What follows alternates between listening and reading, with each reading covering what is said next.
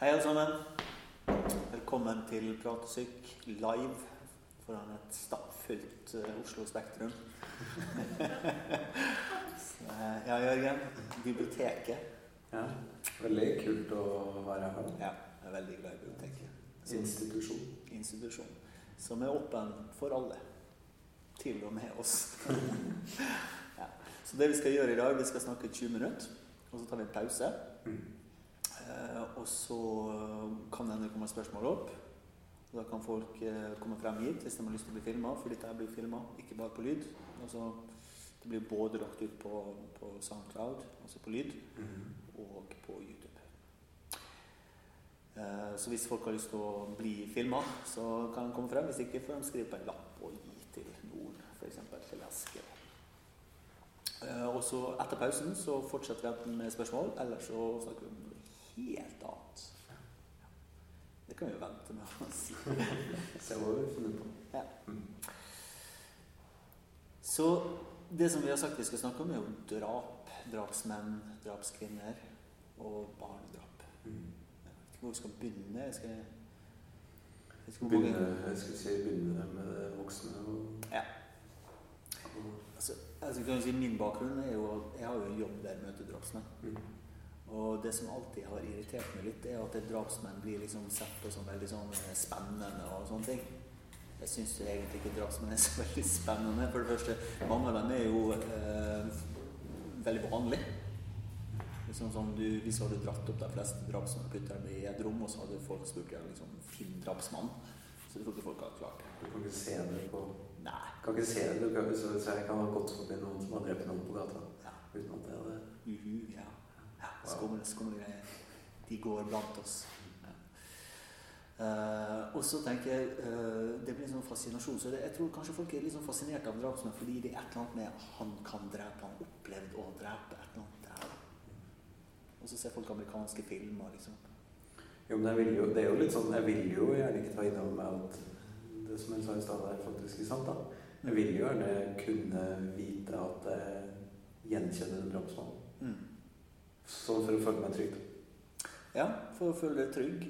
Eller, eller kanskje for at det, hvis vi tenker at vi kan single dem ut, da, så blir det mye mer tydelig at det er dem, og så er det vi. Med andre ord at vi kan jo aldri gjøre noe sånt. Mm. Distansere oss fra det. Ja, ja, de monstrene og oss, liksom.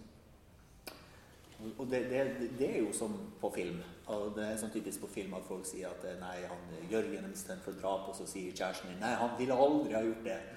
Det er sant. Sånn er det i virkeligheten. For vi ville liksom aldri tenke at naboen vår eller han hyggelige fyren eh, kunne ha gjort. Men fengselet er jo fullt av hyggelige folk. De sitter jo ikke i fengsel fordi de ikke er hyggelige. De sitter jo der fordi de har for drept eller voldtatt eller gjort noen ting, men de aller fleste er jo hyggelige. Tenker du at alle har det i seg at de kan drepe noen? Som du har møtt så mange drapsmenn? Og kvinner, kanskje? Jeg tror de fleste kan gjøre det i en viss situasjon. Fordi hvis vi deler da inn i noe igjen da, Det er veldig teit å dele folk inn i sånne kategorier. Eller for å si sånn Det finnes to typer mennesker. De som deler folk inn i to typer mennesker. De som ikke deler folk i to typer mennesker. altså Kategorier er- blir litt sånn teit, da. Men det er litt sånn psykologisk. da vi liker å lage kategorier. Men sånn det er liksom de vanlige drapsmennene, som stort sett er folk da som har drept eh, kona si eller kjæresten sin. Og så har du dem eh, som har drevet på med vold og rus hele livet sitt, og som eh, har en alvorlig personlighetsforstyrrelse og sitter på forvaring. Og, forvaring er også en, en dom da, der du blir dømt for du har risiko for å gjøre det på nytt. For de fleste på, som jeg har møtt som er drapsmenn, er jo folk som har vært dømt til forvaring eller drept flere ganger. da. Mens de fleste i Norge som dreper, er jo skulle si, vanlige folk som har drept noen de kjenner, når de har vært rusa, og gjerne ofte brukt vold tidligere. Jeg tenker sånn For det er jo ikke så mange drap i Norge hvert år. Det faller veldig. Ja, det går nedover. Det går drastisk nedover. Det Antall drap i Norge er halvert fra 80-tallet. Ja. Hvor mange er det? Pluss pluss minus 30. Hvordan, jeg tenker sånn du, Hvordan får man på en måte forska på det her, da, når det er så lite folk? Hva, hvordan kan vi si noe om det? Er det internasjonale, altså de tingene som du snakker om nå, er det internasjonale studier? eller? Det finnes mange internasjonale studier, men eh, poenget er at det er internasjonale landet, vanligvis USA, eh, er veldig annerledes fra det Mm. norske. Så uh, i Norge det vi, vi skal være veldig forsiktige med å basere oss på, norsk, nei, på amerikansk forskning. Uh, men, men, men, igjen, altså den, de store tallene viser igjen at det er sånn rus og personlighetsforstyrrelse og tidlig debut av vold er jo liksom felles i Norge på den der gruppa jeg snakker om som er kriminelle. da. Psykose for eksempel, er ikke noe spesiell, slår ikke ut som en sånn voldsom Rus er f.eks. En, en mye større. Men det vi vet i Norge, det er bl.a. gjort en svær gjennom altså Vi har telt opp alle drap da, over en tiårsperiode, eller jeg sier vi, da, forskerne i Norge. Så det finnes en stor rapport da, som heter 'For drap i Norge', eh, som bl.a. Eh, gjør en analyse. Da. Så de som har lyst til å oppdatere seg på, på andre ting enn amerikanske dårlige serier, kan, kan liksom laste den på, på nettet. 'Drap i Norge', NOU, et eller annet. Så der, der, der, der vet vi ganske mye. Og barnedrap det kan jo du si litt om etterpå, for det er også vanskelig å forske på, for det er så lav frekvens. Det var det jeg tenkte på. Altså, når du får så få mennesker, da, så blir jo statistikken litt sånn. Også, men det er disse mytene da, som sagt, at det drapsmenn er disse her andre og liksom kjempefarlige, eller, eller det som irriterer meg fryktelig mye, da, er at det alle de psykotiske er så farlige. Mm. De fleste som er psykotiske, er jo paranoidpsykotiske, og de vil jo unngå folk. Mm. Så det er ikke dem du bør gå rundt og være redd for. Dem du bør gå redd for, er jo å krangle med eksen din når han har drukket. Mm. da du er virkelig farlig. Den farligste plassen i Norge er jo ikke Akersgata, men hjemme hos deg selv når eksen din kommer på besøk. Det er derfor det er så dumt når du har folk, f.eks. kvinner, for det er ofte kvinner som blir drept. da. Så når du har en, en, dame som tar kontakt for å si f.eks. at jeg ble slått av eksen min mange, mange ganger, og nå har hun sagt at hun skal komme og drepe seg, og drepe noen, står utafor og på en måte ser han har drukket litt, og roper, mm. da bør politiet komme. Mm. Sånn. Da er ikke det hysteriske kvinnfolk. Nei, det kan jeg kanskje lett bli tolka som. Så tenker jeg at det er jo kanskje har litt sånn nåla i høystakken der. For at det, det, skjer ofte, da. Altså det er jo en del vold hjemme og i hele tatt. Altså, det er jo ikke så mange som dreper. Så. Og de fleste i Norge går jo ikke rundt og planlegger drapet. Det er jo affektdrap. Mm. Uh, og, så er det klart, du, Mange av dem er jeg skal ikke si uheldige, men de, de, på en måte slår litt for hardt på feil måte. Uh, de vil ikke nødvendigvis ha som planlagt drap. Da tenker jeg på hvordan det, for de du jobber med, da, hvordan er gjentakelsesfaren da, når det er noen liksom affektdrap, men igjen kanskje noen som jeg ser for meg da, det her bildet av en mann som ikke har noe problem med å slå, f.eks. Mm. Og spesielt ikke i rus. da. Men hvordan er terskelen for å drepe? Er den lav da også? Eller? Altså, det kommer an på hvilken hjelp de får, og hvor mye bevisst de er at de har et problem. Altså, det er klart, Innsikt i problem uh, er nok ikke en veldig god prediktor. Veldig mange vet jo at de gjør dumme ting, men de fortsetter å gjøre dumme ting. for å si sånn. Men klart, for eksempel, hvis det er slik at du før har slått mye når du er full, da, så bør du da ta konsekvensen av det og ikke ta en halv pils engang. Men hvis du, eh, så det, Innenfor rettspsykiatrien så kaller vi det her for risikoscenario.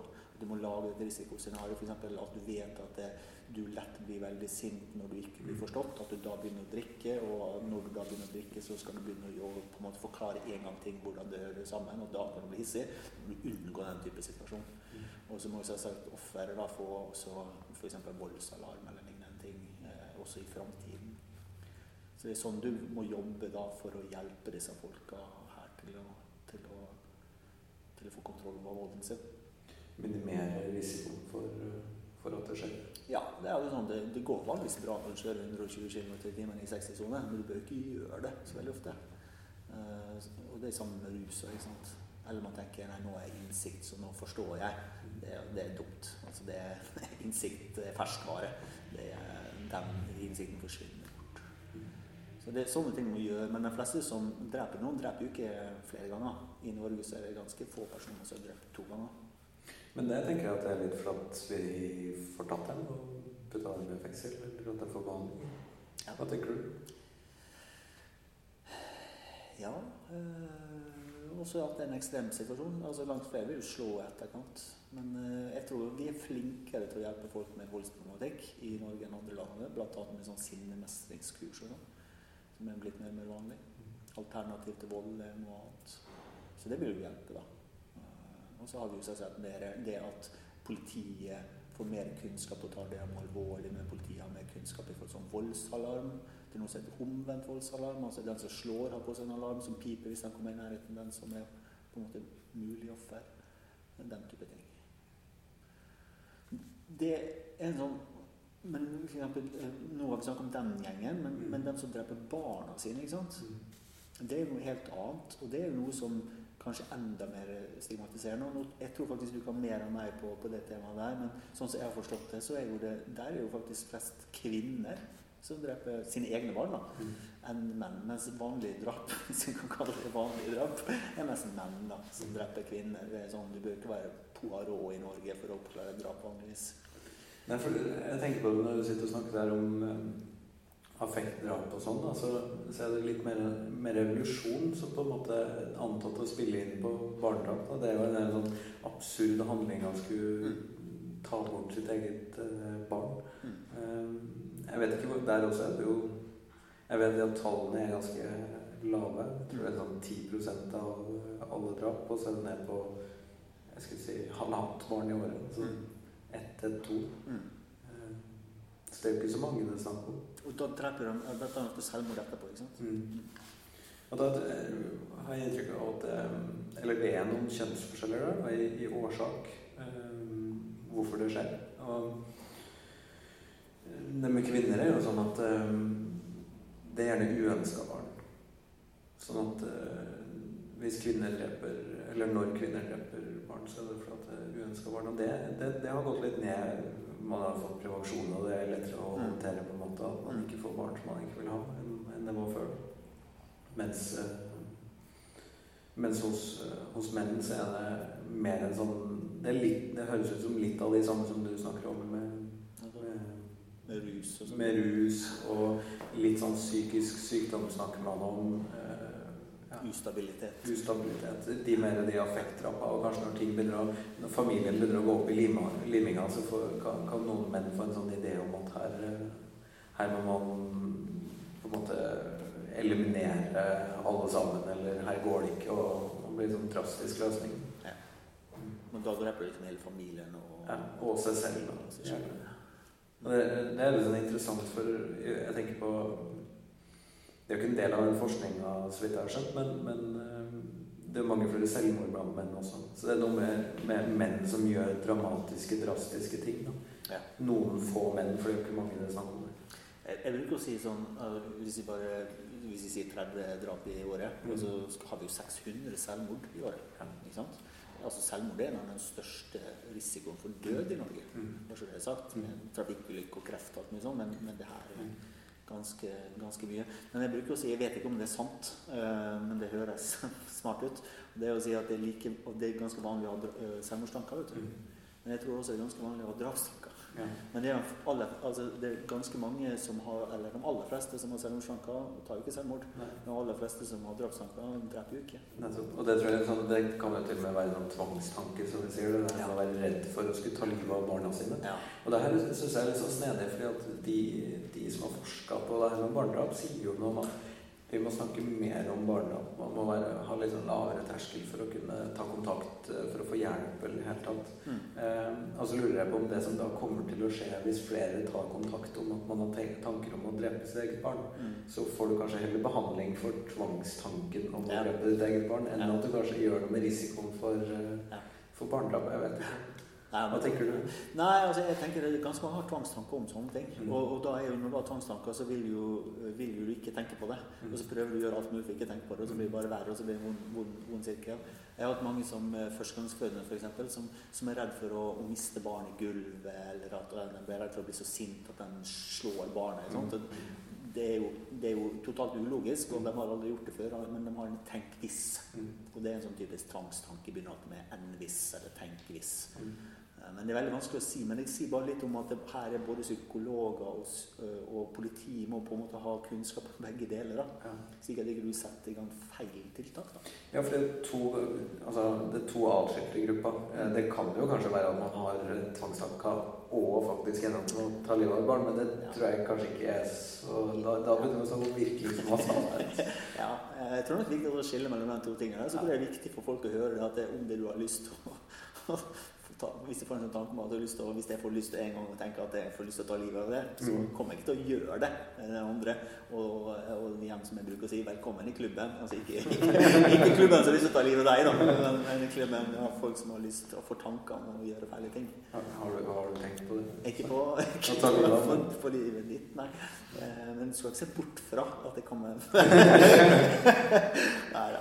Men altså, det, igjen, nå sitter vi og ler av det. ikke sant? Det er ganske fæle ting. Men det er jo nettopp latter er jo nettopp en, en fin måte å reagere på. Når du får sånne rare tanker, Mm. så er nettopp det du bør reagere på, er på 'herregud, here we go again', og får mange rare tanker. For da på en måte klarer du å distansere det for deg, istedenfor å kjenne på 'nei, jeg må ikke tenke det var den tanken der'. Så da, da går du lett inn i en sirkel som er ganske ubehagelig. Så det høres ut som moral Jeg tror ikke vi er så moraliserende til vanlig, da, men hvis det er en moral her, da, så er det at både dem som har reelle eh, tanker om at det kunne vært eh, en idé å drepe sin altså for så vidt partner eller barn eller i det hele tatt, eh, de må vi høre mer om. De må ut i lyset på en måte og få hjelp og i det hele tatt. Mm. Og spesielt de her livskrisene eller de, som, de risikofaktorene som er rundt. Da, burde Ja. vi som samfunn håndtere bedre. Og det her med tvangstanker må jo også oppstå. Løsningen som vanlig er bare mer omtale. Du bør finne en person som du stoler på, Mm. og som har peiling, og så sier du det til den personen der. Og så kan du få hjelp til å finne ut om det er en tvangstanke, eller om hva du skal gjøre for å unngå det. Men du å gå rundt og ha sånne tanker, enten om det er drapstanker, eller selvmordstanker, eller fantasier, eller tvangstanker om det, er jo fryktelig forferdelig. Og det er jo nettopp da du må kanskje tenk som så at akkurat som du går rundt og bekymrer deg for om du har magekreft, så tar du en tur til legen din. Så må du ta, ta, finne en eller annen person da, som er hyggelig og har peiling, og så tar du kontakt med dem. Uh, og så finner man vanligvis en løsning. Altså.